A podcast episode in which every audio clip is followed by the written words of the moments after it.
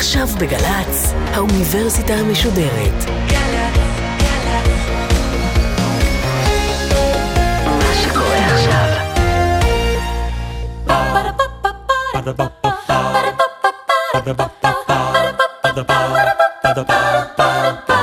האוניברסיטה המשודרת מציגה מבוא ל עם קובי מידן והסמסטר פמיניזם עכשיו והפעם שיחה עם הדוקטור רוני הלפר מהתוכנית ללימודי נשים ומגדר באוניברסיטת תל אביב על ייצוגים נשיים בתרבות הפופולרית עורכת ראשית מאיה גאייר שלום לכם.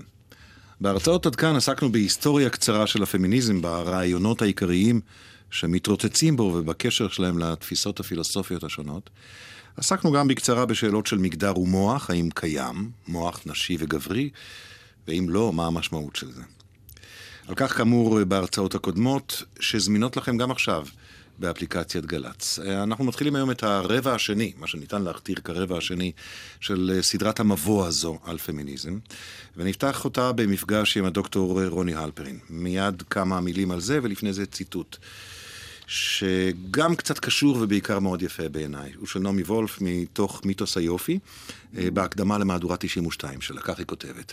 לו הייתי כותבת מחדש את הספר, הייתי פותחת אותו בפסקתו הראשונה, במסקנה החד משמעית והבהירה של הטיעון כולו. מכאן. שעלינו לאמץ אל חיקנו את ההנאה מנשיותנו, את הבחירה החופשית בהתקשטות, את יופיינו שלנו האמיתי ואת מיניותנו שלנו האמיתית, וגם באותה נשימה לכנות את עצמנו פמיניסטיות. אין בספר ולו במשפט אחד, באיזשהו עמוד ולו אחד, שמגנה נשים בשל הבחירות שאנו בוחרות בנוגע ליופי, או שמציע שלא נתאפר, שלא נתלבש בהידור, שלא נחשוף את גופנו אם נפשנו חושקת בכך. ההפך הוא הנכון. זאת הקדמה לאחד הספרים המכוננים של עשרות השנים האחרונות, נעמי וולף, אה, מיתוס היופי. הדוקטור אה, רוני הלפרין, האורחת שלנו היום, היא ראש התוכנית ללימודי מגדר במכללת בית ברל, מרצה באוניברסיטת תל אביב. אה, עוסקת הרבה בשאלות של ייצוג, ייצוג של נשים, בקולנוע, בספרות, בטלוויזיה. בתרבות הפופולרית. זה תחום רחב מאוד, כפי שניתן לשער, ואנחנו ניגע ממש בכמה מהעיקרים שלו. שלום לך. שלום לך. בוא נתחיל בשאלת תמה, או שאלת תם. למה חשוב כל כך להתעסק בייצוגים של נשים בספרות, בקולנוע, בטלוויזיה? אני כמעט מתפתה לפרש את הפסקה הנפלאה הזאת שקראת, אה, ואולי דרכה לנסות אה, אה, להסביר למה חשוב לפרש את הייצוגים. מה שנעמי וולף עושה בספר הזה, ובמובן זה הספר הזה הופך להיות ספר כל כך חשוב, היא מנסה לחשוב על יופי לא כעל קטגוריה אסתטית פשוטה, אלא כעל קטגוריה פוליטית. זאת אומרת, הדיון שלה הוא לא ביופי, יש לך עיניים כחולות או חומות, מה המרחק של אה, האיברים שלך אלו מאלו, מה רמת הסימטריה וכולי וכולי. לא קונסטלציה של איברים. בדיוק. הדיון שלה הוא באיזה אופן, בתוך התרבות, משתמשים ביופי, בהגדרות של היופי, מצמצמים את ההגדרות של היופי, בעצם כדי להבנות מגדר. אז אני עכשיו חוזרת לשאלה שלך. סימון דה בובואר במין השני אומרת, אישה לא נולדת אישה, אלא נעשית אישה בתוך התרבות. זאת אומרת, אנחנו נולדים עם אברי מין, עם כרומוזומים, עם הורמונים, אבל אף אחד מהדברים הללו, כלומר, הנתונים של הטבע, אינם משפיעים על ההגדרה התרבותית של הגוף שלנו, להלן המגדר. אז מה בתוך התרבות הוא הדבר שמכתים את הגוף בשר ודם, את הגוף הביולוגי, בהגדרות הממגדרות, אני ארצה להגיד, הממשטרות שלו, שכותבות אותו לתפקיד שלו, לתפקוד שלו בתוך התרבות, מצרות את אפשרויותיו ומנתבות אותו לאפשרויות אה, מוגדרות מאוד. ואני מדברת גם על גברים וגם על נשים, גם יחד. זה, זה, במובן הזה, פמיניזם זה קריאה למחשבה ולפעולה שמשחררת גם נשים וגם גברים מהאפשרויות שכתובות להם בתוך התרבות. כלומר, ייצוגים, כלומר, הדרך שבה אישה ו/או גבר mm-hmm. מוצגים בספרות, בתרבות, בקולנוע נכון. וכולי, היא לא רק משקפת תפיסות רווחות, אלא גם מקבעת. נכון, נכון. זאת אומרת, כאשר אני בעצם נכתבת לתוך המגדר שלי, מהרגע שבו נולדתי, והכריזו נולדה בת או נולד בן, אני בעצם, הגוף שלי מוכתם על ידי האפשרויות האלה התרבותיות. עכשיו, השאלה היא, באיזה אופן התרבות מבצעת את הפעולות שלה? כיצד היא מבצעת את פעולת ההחתמה הזאת על הגוף, את הגוף? כיצד היא כופתת אותו לתוך האפשרויות? איך היא עושה את זה? באמצעות הייצוגים. זאת אומרת, אני לומדת על האפשרויות שלי, על אפשרויות הזהות המגדריות שלי, כאשר אני רואה טלוויזיה, כאשר אני קוראה בספרים, כאשר אני הולכת לקולנוע, כאשר אני מסתכלת בשלטי החוצות, כאשר אני מתבוננת בחלונות הראווה, בכל הטקסטים של העולם שמקיף אותי ומלמדים אותי מה זה להיות אישה ואיך זה להיות גבר. מה שנעמי וולף ואחרות עושות, כאשר הן מדברות על מיתוס היופי למשל, זה להבין את מיתוס היופי כאיזה ביטוי שמסתיר או מסווה בעצם קריאה להתכונן בפרפורמנס, במופע מגדרי נשי או במופע מגדרי גברי.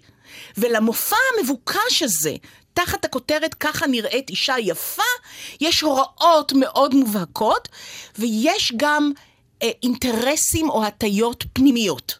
וזה הדבר שהיא קוראת לנו להבין. ולכן הבעיה היא לא בליפסטיק, הבעיה היא לא אפילו בעקבים, למרות שסטילטו זה לא איי איי איי לחוט השדרה.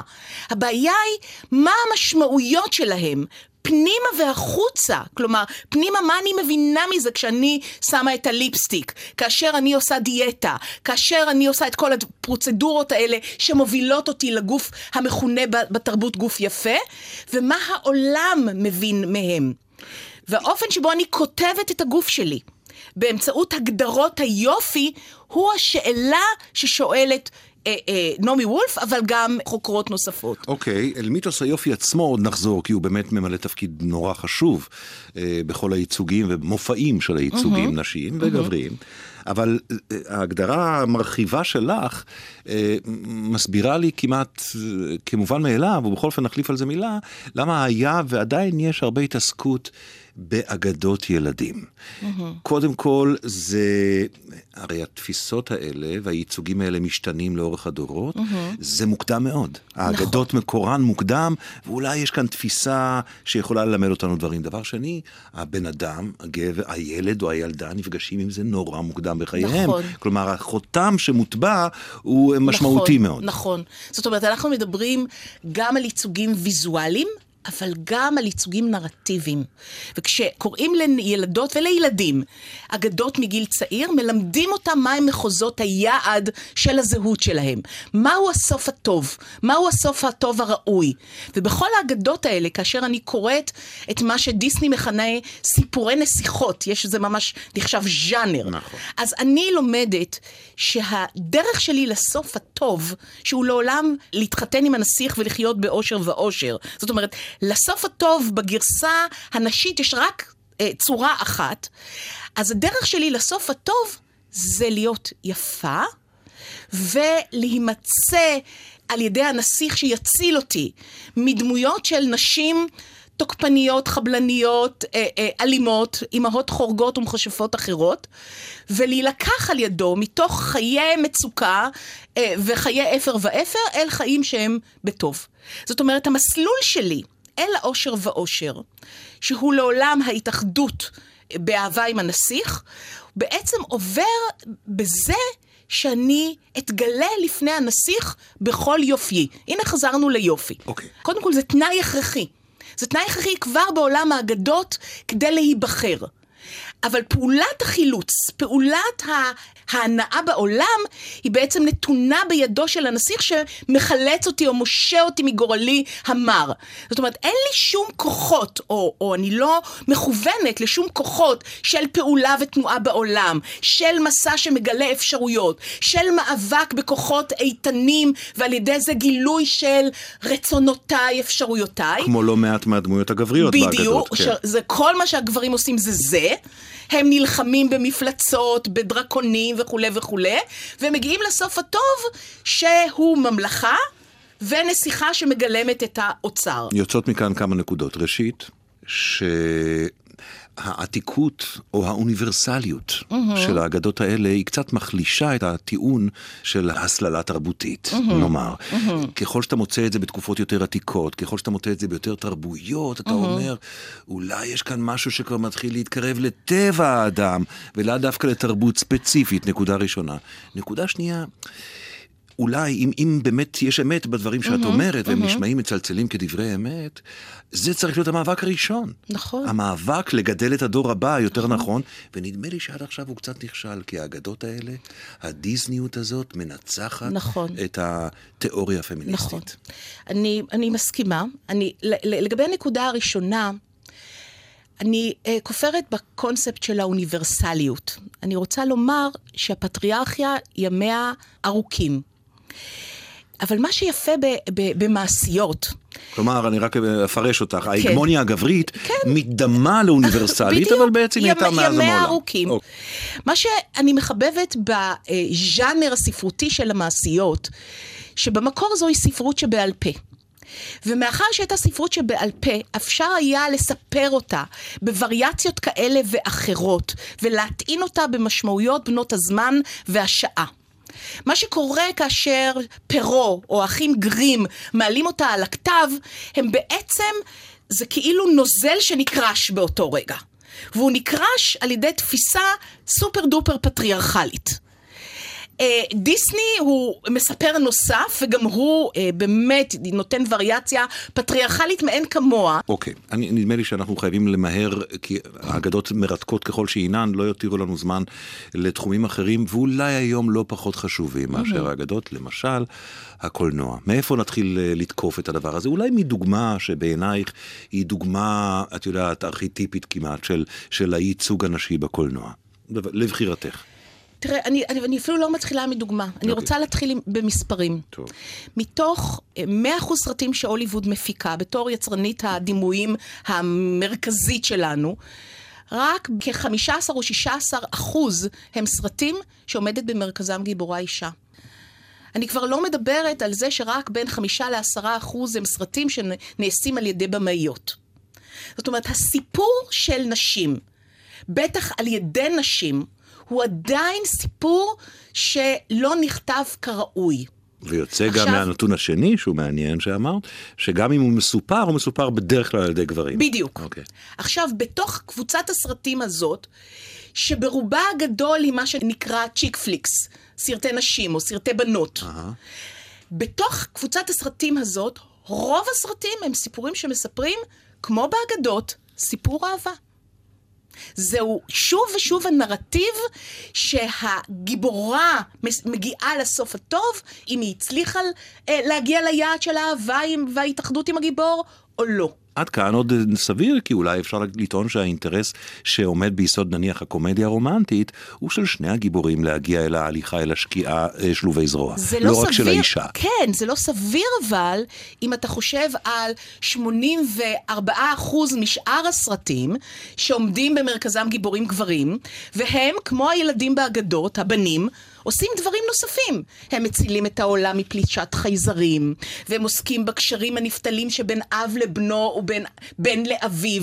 זאת אומרת, הם עושים כל מיני דברים שעניינם סוגיות גדולות ששייכות לרוח האנושית, והרבה פעמים האישה אם היא נמצאת שם, היא רק בונוס שאתה מקבל כי פעלת נכון או לא נכון בעולם. אוקיי. Okay. אה, uh, אני יודע שאת uh, עסקת לא מעט בסרט... Uh... קנוני מאוד, גם בתחום הזה וגם בכלל, שנקרא אישה יפה. נכון. קראי, תקראי לי אותו בבקשה, אני, אני בהקשר לחבר, של השיחה אני שלנו. רוצה, אני רוצה לחבר את הדיון בסרט הזה גם לנרטיב הזה של האהבה, וגם לדיון שקיימנו קודם בעניין מיתוס היופי. ולראות בתוך, זאת אומרת, זה ברור שהיא תתאחד בסוף עם ריצ'רד גיר, כי זה, לשם מוביל לסוף הטוב. אבל עכשיו אני רוצה לחשוב על המהלך אה, בדרך לסוף הטוב. כלומר, מה צריך לקרות לאישה שעמדה בתחילת הסרט ברחוב ועצרה מכוניות כדי לעשות איתם דברים כאלה ואחרים, עד שהיא הופכת להיות האישה המהוגנת, המוגנת, על ידי ריצ'רד גיר בסוף. והיא עוברת בעצם שני סוגים של makeover שמולחמים לאחד. ו makeover זה אירוע דרמטי שקורה בהרבה סרטי נשים, mm-hmm. הוא אירוע שנשים מאוד אוהבות לראות אותו בסרטים. הגיבורה שבהתחלה נראית לא מי יודע מה, הופכת להיות אישה מאוד מאוד יפה בסוף. מה שנקרא, המזכירה עם המשקפיים, בדיוק, שהם שם רק כדי שיוסרו. נכון. אוקיי. ו- וזה מאפשר לנו לקרוא את אותה קריאה פוליטית שנעמי וולף הציעה לנו אה, בתוך הסרט. בתחילת הסרט, אה, ג'וליה רוברטס אומרת שהיא לא רוצה סרסורים, היא אומרת את זה לחברתה. היא לא מעוניינת בסרסור, כי היא לא רוצה שיהיה מישהו שיגיד לה עם מי היא עושה, מה היא עושה וכמה היא לוקחת על הדבר הזה. זאת אומרת, ריבונות מינית מוחלטת. למרות שהיא נמצאת בעמדה שעקרונית היא מוחלשת. תרשה לי להציע שמכל הסרטים שמטפלים בזנות, זה הסרט היחידי שלא ראית בו זנות באמת. Mm-hmm. זאת אומרת, היא לא עשתה שום אה, אקט כזה או אחר עם אף גבר לפני שהיא פוגשת את ריצ'רד גיר. אוקיי, אז מה היא צריכה אוקיי? לשלם, איך היא צריכה להשתנות, אז אז- כדי לעבור מהסיטואציה הזאת שהיא עדיין אה, לימינלית, היא עדיין מחוץ לגדרי החברה, כדי להיות האישה המעוגנת הנורמטיבית. אז אני רוצה להגיד לך שהיא אפילו לא, זאת אומרת, זה אולי היא נראית בהתחלה זונה שנמצאת מחוץ לחברה. אני רוצה להגיד לך שזה, בעיניי, זה דרך של אה, הוליווד להסתכל על נשים בשנת 91, אה, עמ- עמדת שיא בתוך הפמיניזם, שמכריזות על ריבונות מינית. בשביל הוליווד, ריבונות מינית מהסוג הזה, זה משהו שהוא גובל בזנות. ואיך מחזירים את זה הביתה? איך מכניס, מחזירים את השליטה המינית הזאת שיצאה מכל כללים של סדר לתוך הבית. ומציעים לה את המסלול הזה של הקשר עם ריצ'רד גיר. ואני מזכירה לך, הם כל הסרט מנהלים משא ומתן על לילה, על שלושה ימים, על שבוע, עד שהיא אומרת 24/7 בעצם, שזה הגרסה לנישואים. ואני אומרת שמבחינה כלכלית זו עסקה גרועה לחלוטין, אז המעבר הוא בעצם ממצב שיש לה ריבונות מינית, למצב שהיא נכנסת והופכת להיות אשת איש 24/7, עובדת במקצוע העתיק, אבל עכשיו תחת כסות מהוגנת. אז איך עושים את המעבר הזה? אחד הדרכים לעשות את זה, זה עוברים מהלבוש שמפגין או מצהיר על מופקרות מינית, והוא גם לבוש שאומר שאין לה כוח כלכלי, ובמסגרת הקשר ביניהם, אחד הצ'ופרים זה לקחת אותה לרודאו דרייב, להיכנס לחנויות המותגים הגדולות ביותר, ולעשות מסע קניות שמסביר לה מהם הפריבילגיות שכרוכות בלהיות אה, צמודה לגבר. וכשאירוע ה makeover, שבו היא מתחילה להתלבש, מתקיים לעיניו באישורו, והוא בעצם יאפשר לה להגיע להקשרים חברתיים נוספים. אלא מה? שברגע מסוים באיזה אה, אירוע של מרוץ סוסים, מגיע אליה חבר שלו, שחושד בה, והוא מבין פתאום שהיא יצאנית שעובדת לפי שעות, והוא אומר, אה, אז כשהוא יגמור איתך, אני רוצה גם כן. והיא נעלבת מאוד, כי היא עכשיו נבטה בתודעה של אישה מהוגנת, לא אישה שעושה עסקים עם המיניות שלה. והיא חוזרת אה, למלון כועסת מאוד, והיא שואלת את ריצ'רד גיר, תסביר לי למה הלבשת אותי ככה. והוא ממלמל משהו על זה שזה יפה וכולי וכולי, ואז היא אומרת לו את המשפט החשוב. בבגדים הקודמים שלבשתי, להלן בגדי היצאנית, כשגבר כמו סטאקי היה מטריד אותי, הייתי יודעת איך להתגונן ואיך להתמודד. אבל בבגדים האלה, כלומר בבגדי האישה המהוגנת, אין לי מושג מה לעשות. זאת אומרת, מה שהמייק אובר עשה, אולי עשה אותה אישה יפה, אבל הוא תלש, הוא ניקש מתוך הזהות שלה, לא רק סממנים של בגדים כאלה או אחרים, אלא אפשרויות של פעולה והתנהגות. טוב, אנחנו מש- משתמשים בסרט הזה באמת כנקודת מוקד מבריקה של ההתבודדות על, ה, על הייצוגים הגבריים, נשיים וכולי, ועל התודעות הגבריות נשיות. אני רוצה קצת בעזרתך, אה, דוקטור רוני אלפרין, להרחיב את המבט על, אני יודע שיש דיבור על כמה אופציות שעומדות בפני שחקניות קולנוע, והן במובן הזה הסוכנות שלנו של דמויות הנשים. נכון. גם לאורך מחזור החיים שלהן, אבל גם בכלל מול הוליווד. נכון. דברי איתי על האופציות שעומדות שם. תראה, יושבת אה, גולדי הון על הבר בסרט מועדון האקסיות ומדברת עם הברמן, והיא אומרת, קיימים בעצם שלושה מצבי צבירה בהוליווד. אה, ה babe, התובעת המחוזית, אוקיי. and Driving Miss Daisy, כלומר האישה הזקנה. זאת שצריך ממש להסיע אותה.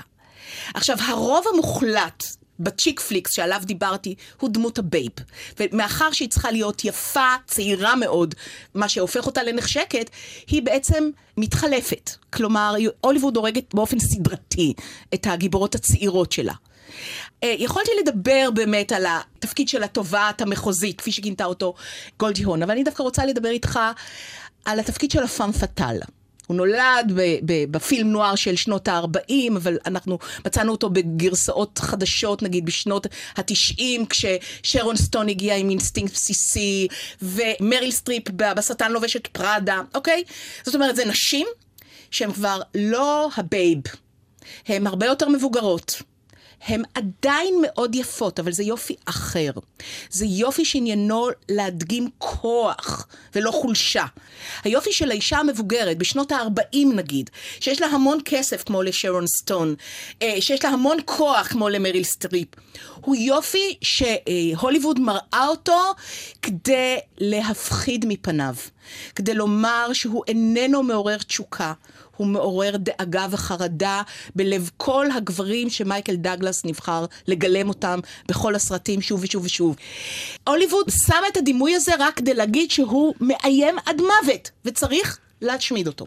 אני רוצה לשאול אותך, מכיוון שאנחנו מנסים בקורס הזה גם לנסות להביט על מגמות עכשוויות. את רואה שינויים במיינסטרים, או שאנחנו באותו מקום שעמדנו לפני 20, 30 ו-40 שנה? תראה, מצד אחד אני רוצה רק לסמן את השחורות כדי להדאיג את כולם ולגרום להם לפעול. אבל אני רוצה כן לס- לסמן איים של אור, והם דווקא בטלוויזיה. האופן שבו הטלוויזיה בנויה, עם, על כל התוכניות שלה, אנחנו עדיין במצב קשה. אבל בסדרות כאלה ואחרות, ואני אסמן לך את נקודת השינוי בסדרה שחלק מחברותיי הפמיניסטיות לא מחבבות, אבל אני אוהבת מאוד, וזו הסדרה סקס והעיר הגדולה. זו סדרה שזכתה באמת לתפוצה נרחבת שאי אפשר בכלל להפריז בחשיבות ההשפעה שלה על הנשים הצעירות בנות הדור הנוכחי. והיא הביאה ייצוג חדש לנשיות. עכשיו בואו נחשוב על זה ביחס לכל הדברים הקודמים שאמרנו. דיברנו על מיתוס היופי ועל האופן שבו הוא מייצר יחסי יריבות בין נשים. כי אם אני צריכה להיות יפה, וכל החברות שלי מתחרות איתי על הנסיך, אז כולנו נלחמות זו בזו. רק אחת הרגל שלה תתאים לסנדל. יפה. אז הנה יש לי בסקס והעיר ארבע נשים, כולם אכן עומדות בקריטריונים של מיתוס היופי הצר, ובכל זאת, במשך שש עונות, הן לא רבות על אף גבר. אחר כך דיברנו על זה שריבונות מינית היא דבר שהוליווד לא ממש מחבבת, ויש לה כל מיני דרכים כאלה ואחרות לסלול אותך, אותה חזרה למקומך בבית ולאהוב את הבית. ובכן, שש עונות הן מסתובבות בעיר הגדולה, ובעצם לא רק מפגינות ריבונות מינית, חוגגות ריבונות מינית, זו הכותרת. סקס והעיר הגדולה. סקס בעיר הגדולה. עכשיו, הגילוי הזה של העצמי שלהם, דרך המין, דרך האפשרויות הרומנטיות, הוא גילוי שעובר דיבור. זאת אומרת, הוא לא סתם עובר בגוף. הוא בעצם, אנחנו פחות רואות סצנות סקס, כמו שאנחנו רואות סצנות שהנשים האלה יושבות בבתי קפה, עושות פעולות שאסור לנשים לעשות, לאכול ולשתות. ואגב, אכילה ושתייה, הן עושות פעולה אוראלית נוספת, מדברות. הן מדברות על סקס. זאת אומרת, במובנים מסוימים, אם פרויד שאל מה אישה רוצה, הנה הארבע האלה התיישבו והחליטו לענות לו. ואין האישה. יש ארבע נשים, ולכל אחת מהן יש גם מראה שונה וגם רצון מסוג אחר. והן יחד חוקרות את הדבר הזה שהוא המין כמקום, כמחוז האני, ונותנות לו מילים. זה נורא מעניין ש, שנוצרת הבחנה כזאת בין קולנוע לטלוויזיה, כמו שאת אומרת בדקות האחרונות, שדווקא בטלוויזיה את רואה מגמות שיותר מגיבות נכון. אה, על, על שינויים תודעתיים חברתיים בהקשר של פמיניזם. לגבי הסיבה לזה, נשאיר את זה להזדמנות אחרת, כי אנחנו באמת רק מנסים למפות כאן דברים כלליים. אני רוצה מילה אחת לסיום, הדוקטור רוני הלפרין, דווקא על תחום שהוא קצת שונה, גם תחום ויזואלי, גם תחום שיש בו ייצוגים נשיים, אבל לא בדרך של fiction, לא בדרך של בידיון, אלא בתחום, נאמר, ההופעה הנשית בטלוויזיה. מגישות חדשות, כתבות, מנחות, אה, קומיקאיות וכולי וכולי, ונדמה לי שגם כאן קורים דברים קצת יותר מהר מאשר בתחום האיטי של הקולנוע. תראה, בדוח שהגישה פרופסור ענת פרסט מטעם הרשות השנייה על ייצוגים של אה, נשים ועוד בטלוויזיה, בפריים טיים, 70% הם גברים ו-30% הם נשים. השאלה היא אבל היא לא רק כמותית, אלא היא גם איכותית. זאת אומרת, מה טיב ההופעה של המופיעים על המסך?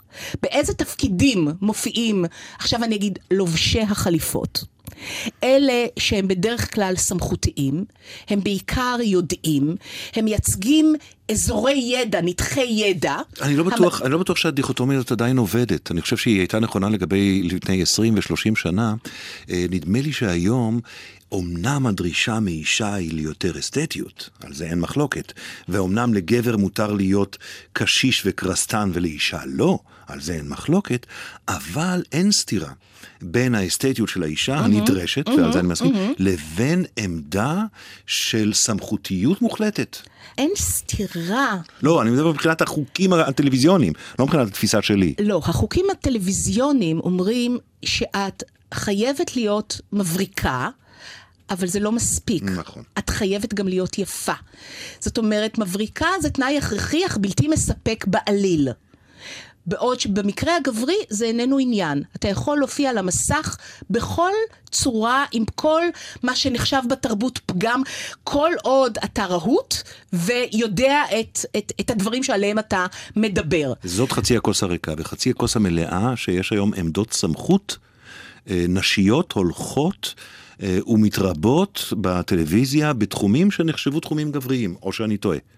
אתה מדבר מה? על אה, מפיקות, על, על אורחות וכולי גם וכולי. על, על כתבות ועל מגישות, המגישות של, המגישות, המג- המגישות של המגישות- תוכניות הטלוויזיה, המגישות- החדשות המרכזיות אצלנו, הן נשים סמכותיות מאוד וידעניות מאוד. ונפלאות מאוד, אבל שים לב שכולם אה, כאילו יצאו מאותו בית יוצר של יופי, חלקן דומות זו לזו באופן מביך. זאת אומרת, יש, יש ממש דיקטטים מאוד ברורים איך את צריכה להיראות כשאת מגישה את החדשות בסמכותיות ובחוכמה. אני מחבבת את כולם, שלא יהיו אי הבנות. עכשיו אני רוצה, לחז... אני רוצה לחבר את הטענה הזאת לדבר הזה שהתחלנו איתו קודם, של מיתוס היופי ומה תפקידו בכלכלה הפוליטית של היחסים בין גברים לנשים. הרי תפקידו היה להפוך נשים למושא למבט עבור גברים.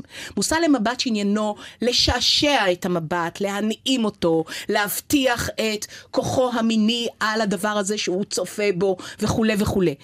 וכאשר נשים בעמדות מפתח נדרשות למראה היפה, או נכשלות במראה היפה, הדיבור על היופי שהן עומדות בו או אינן עומדות בו. הוא בעצם דרך שעדיין מתקיימת בתוך השיח הפופולרי לחדור לתוך תחום סמכותה של האישה המדברת ולהסיט את המבט מאיך, ממה היא אומרת לאיך היא נראית. ולכן מישהו כמו יוסף פריצקי יכול להגיד שאייל, שלראשונה נבחרה שרת משפטים שיכולה לככב על לוח שנה במוסכים. זו, זה דיבור שמזכיר לנו שפעם בהקשר אחר אישה הייתה לא יותר מגוף. על זה נדבר בפעם הבאה. בשמחה. כשתהיה. דוקטור רוני אלפרין, תודה רבה לך. תודה לך.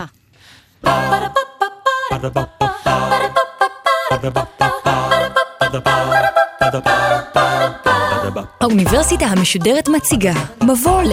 קובי מידן שוחח עם הדוקטור רוני הלפרן מהתוכנית ללימודי נשים ומגדר באוניברסיטת תל אביב על ייצוגים נשיים בתרבות הפופולרית. עורכת ומפיקה מיקה נחטיילר, מפיקה ראשית אביגיל קוש, מנהלת תוכן מאיה להט קרמן. האוניברסיטה המשודרת בכל זמן שתרצו באתר וביישומון של גל"צ, וגם בדף הפייסבוק של האוניברסיטה המשודרת.